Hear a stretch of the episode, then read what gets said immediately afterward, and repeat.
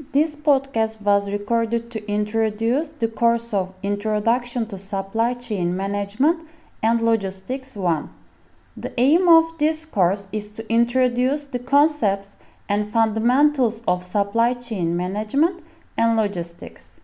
Emphasis will be upon analyzing the scope and objectives of supply chain management.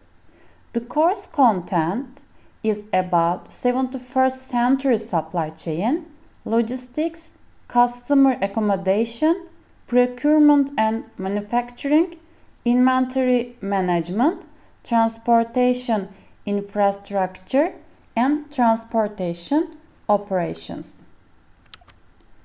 With this course, student will be able to explain the concepts of logistics and supply chain and they will evaluate the fundamentals of supply chain management. And student also will able to formulate solutions to procurement and manufacturing having the ability of analyzing the objectives of supply chain operations and they will also explain inventory management.